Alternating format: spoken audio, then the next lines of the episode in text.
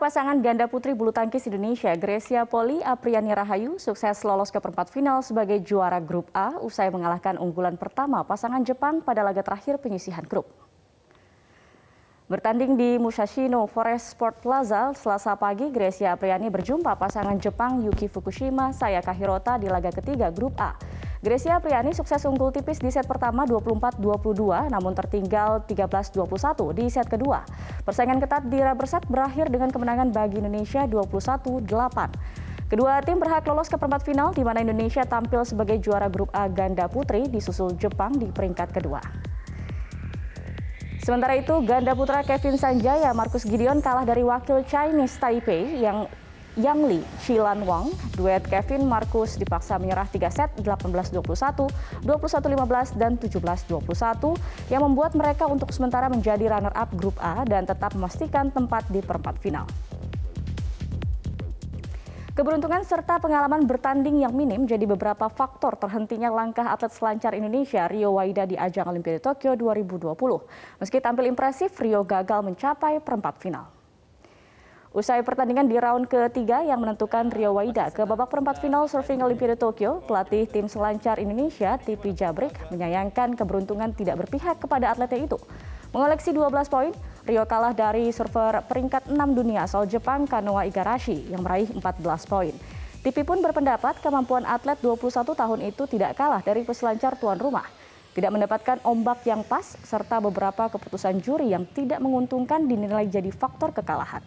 Lebih lanjut, dirinya berharap evaluasi bukan hanya dari atlet, namun bagi pengurus besar Persatuan Olahraga Selancar Ombak Indonesia, PBPSOI agar bisa meningkatkan pembinaan atlet selancar kelas dunia. Eh, dari apa yang Rio sudah berikan tuh udah maksimum ya, karena kan kondisinya juga berat banget. Ini adalah kondisi di mana uh, semua peselancar itu tidak ideal. Anginnya itu dari dari laut, dan untuk mendapatkan ombak itu 50-50 uh, itu banyak luck faktor juga. Jadi kita bisa lihat tadi lawannya si Rio. Dia dapat ombak lebih bagus bukan karena dia uh, dapat ombak lebih bagus tapi benar-benar itu dia lucky dapat ombak itu. Coba kalau itu Rio tadi dapat ombak itu potensinya juga sama seperti dia Menteri Pemuda dan Olahraga Zainuddin Amali mengapresiasi keberhasilan dua lifter Indonesia Windy Cantika Aisyah dan Eko Yuli Irawan yang menyabet medali perunggu dan perak di ajang Olimpiade Tokyo 2020.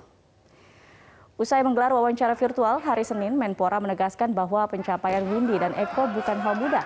Para atlet menjalani perjuangan panjang dan keras serta ketat sejak kualifikasi hingga puncaknya melawan lifter-lifter terbaik dunia di Tokyo pekan kemarin.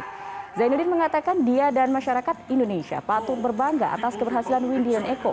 Demikian pula kepada atlet yang sudah atau masih berjuang di Tokyo. Bagi yang sudah tanding namun belum berhasil, Menpora tetap menyampaikan apresiasi karena telah berjuang keras untuk lolos ke Jepang. Bagi yang masih akan bertanding, Menpora berdoa agar mereka fokus dan konsentrasi hingga dapat menambah perolehan medali bagi Merah Putih. Zainuddin optimistis Indonesia dapat memperbaiki peringkat pada Olimpiade Tokyo 2020.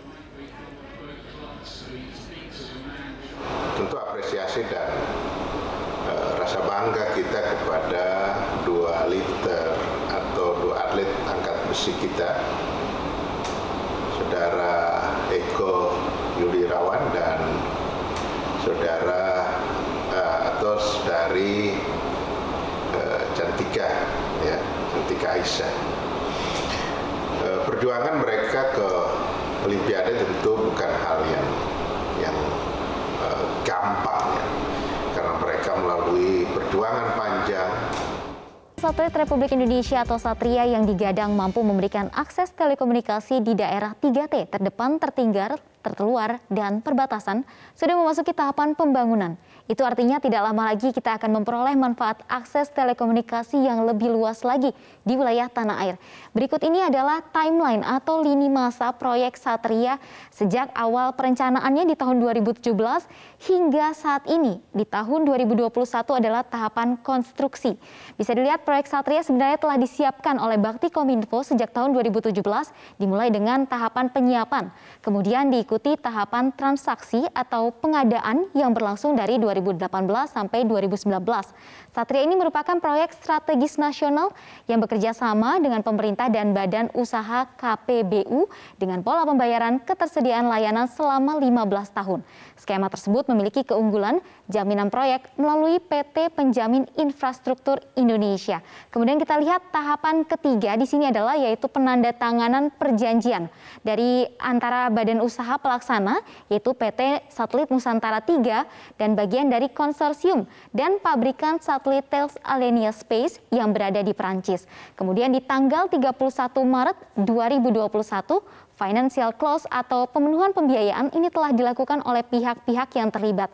Sehingga saat ini Satria sudah masuk di tahapan konstruksi yaitu pada pembangunannya adalah dari tahun 2020 hingga tahun 2023 sebelum nantinya akan diluncurkan pada tahun 2023 tepatnya adalah di kuartal ketiga. Kita lihat kemudian progresnya sudah mencapai berapa persen sih pembangunan dari Satria ini. Berikut kita tampilkan datanya.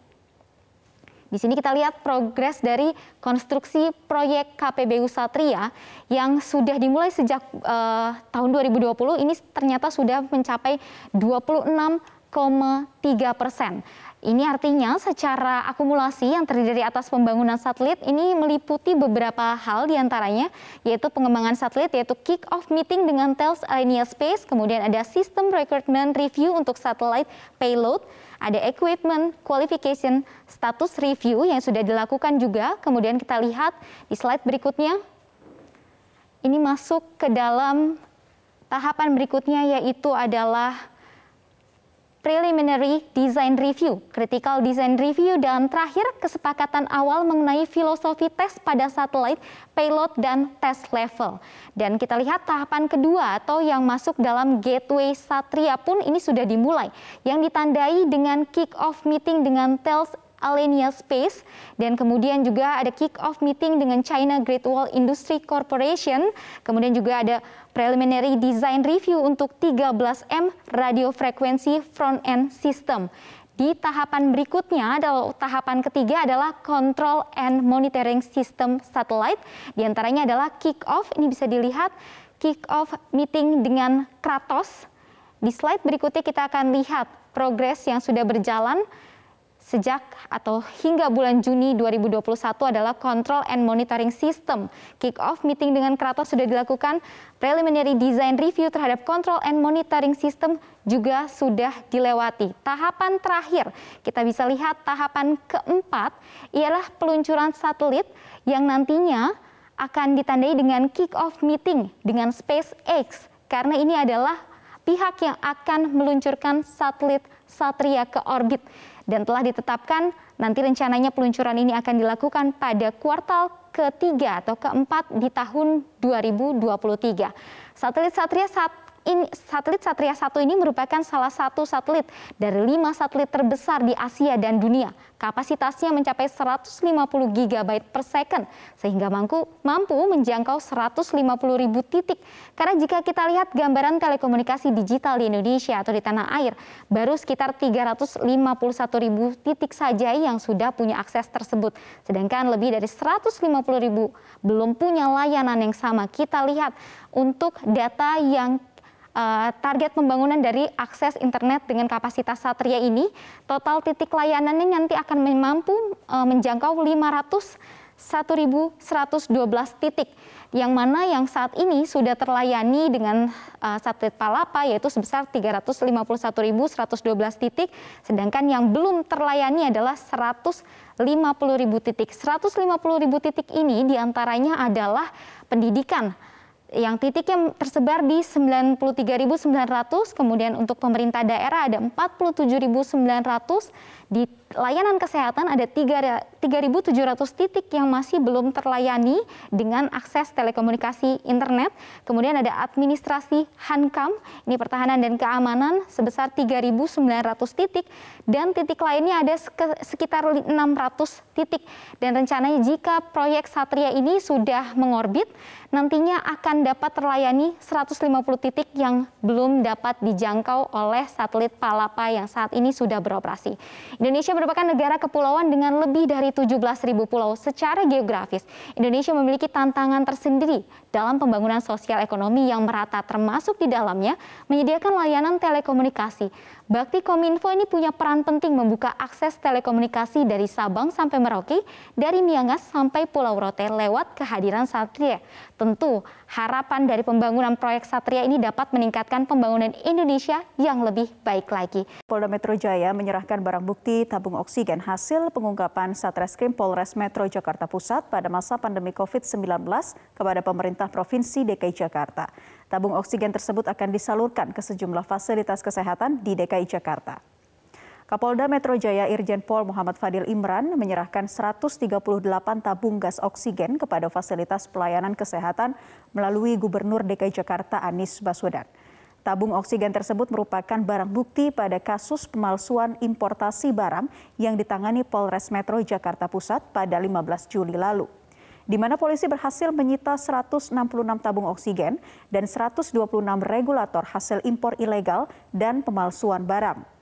Setelah melalui survei dan penelitian dari Kementerian Kesehatan, ada 138 tabung layak digunakan untuk fasilitas kesehatan. Kapolda Metro Jaya Irjen Pol Muhammad Fadil Imran mengatakan pihaknya akan menindak tegas oknum yang mencari keuntungan di tengah pandemi. Tidak hanya tabung oksigen, Polda Metro Jaya juga telah membentuk Satgas untuk menindak penimbun obat. Sementara itu, Gubernur DKI Jakarta Anies Baswedan mengapresiasi pemberian tabung gas oksigen dari Polda Metro Jaya. Tabung oksigen tersebut akan disalurkan kepada sejumlah fasilitas kesehatan dan warga yang membutuhkan. Borotno ini jumlah anak yang menjadi yatim piatu karena orang tuanya menjadi korban meninggal COVID kian bertambah. Langkah cepat atau koordinasi cepat apa yang harus segera dilakukan terkait hal ini? Iya, ketika tanggal 21 Juli 2021 kami uh, sebenarnya sudah meminta mendorong pemerintah untuk segera melakukan pendataan. Waktu itu angka kematian baru mencapai angka 76 ribu. Nah, kalau sekarang kan sudah 83 ribu ya. Pada saat itu kami memperkirakan saja karena uh, data global itu satu setengah juta anak kan kehilangan orang tuanya. Sementara kalau menghitung kakek nenek seperti tadi ya kisah dari Bantul, itu sekitar 2 juta anak. Nah, kalau kita berpatokan pada angka itu, maka sebenarnya Indonesia pun bisa kita perkirakan.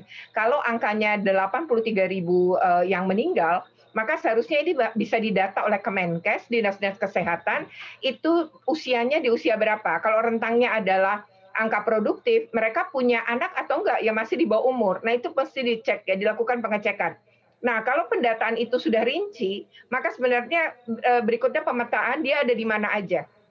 Hmm. Kalau di mana saja itu kita bisa tahu anaknya di mana, jumlahnya berapa, kemudian di wilayah mana, maka sebenarnya bantuan bisa segera diberikan. Mulai dari bantuan uh, secara psikososial dulu, karena anak-anak ini terpukul dalam waktu singkat, kehilangan begitu banyak orang terdekat mereka. Itu pukulan psikologinya sangat besar. Itu butuh bantuan segera. Yang kedua, uh, berarti di, bisa dilakukan oleh dinas-dinas pemberdayaan perempuan di berbagai daerah. Yang kedua hmm. adalah bantuan ekonomi, karena keluarga mereka yang sekarang merawat mereka untuk pengasuhannya itu mungkin juga secara ekonomi tidak mampu. Itu misalnya kasus yang terjadi di Kalimantan Timur, kan eh, anaknya juga tidak ikut pamannya, tapi pamannya juga punya tiga anak. Sementara uh, dari kakaknya ini ada ditinggalkan tiga anak juga gitu. Nah ini yang hal yang uh, menurut kami itu penting sekali pendataan itu dilakukan segera agar kita bisa melakukan intervensi segera kepada anak-anak ini karena mereka ini nggak uh, bisa apa-apa ya. Jadi harus kita yang Betul. proaktif mencari dan menolong. Oke, Broto kita bicara soal uh, sedikit itu intervensi di sini. Um, kalau kita komparasikan dengan luar negeri, maka langkah yang dilakukan banyak pemerintah di luar negeri adalah dengan merujuk anak-anak ini ke panti asuhan, begitu. Ya. Kalau dari ya. data yang didapatkan oleh KPAI sejauh ini, apakah anak-anak ini sudah kemudian dirujuk ke panti asuhan atau masih dalam kapasitas dirawat oleh keluarga dekat dan juga pemerintah daerah setempat?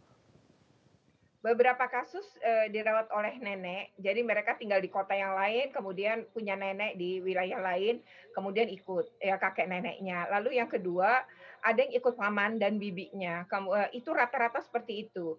Nah, hmm. tetapi ini uh, kenapa kemudian Indonesia punya pendekatan itu karena peraturan pemerintahnya begitu. Jadi peraturan pemerintah nomor 44 tahun 2017 itu mendorong pengasuhan itu jatuh pada keluarga terdekat tadi namanya tiga derajat. Tiga derajat itu dari ayah atau ibu, kemudian kakek nenek atau paman bibi. Nah, tapi kalau ternyata tidak punya kemampuan nih garis derajat itu atau hilang semua juga karena COVID, maka e, baru di situ diadopsi dulu. Jadi adopsi artinya dia tetap berbasis keluarga diinginkan.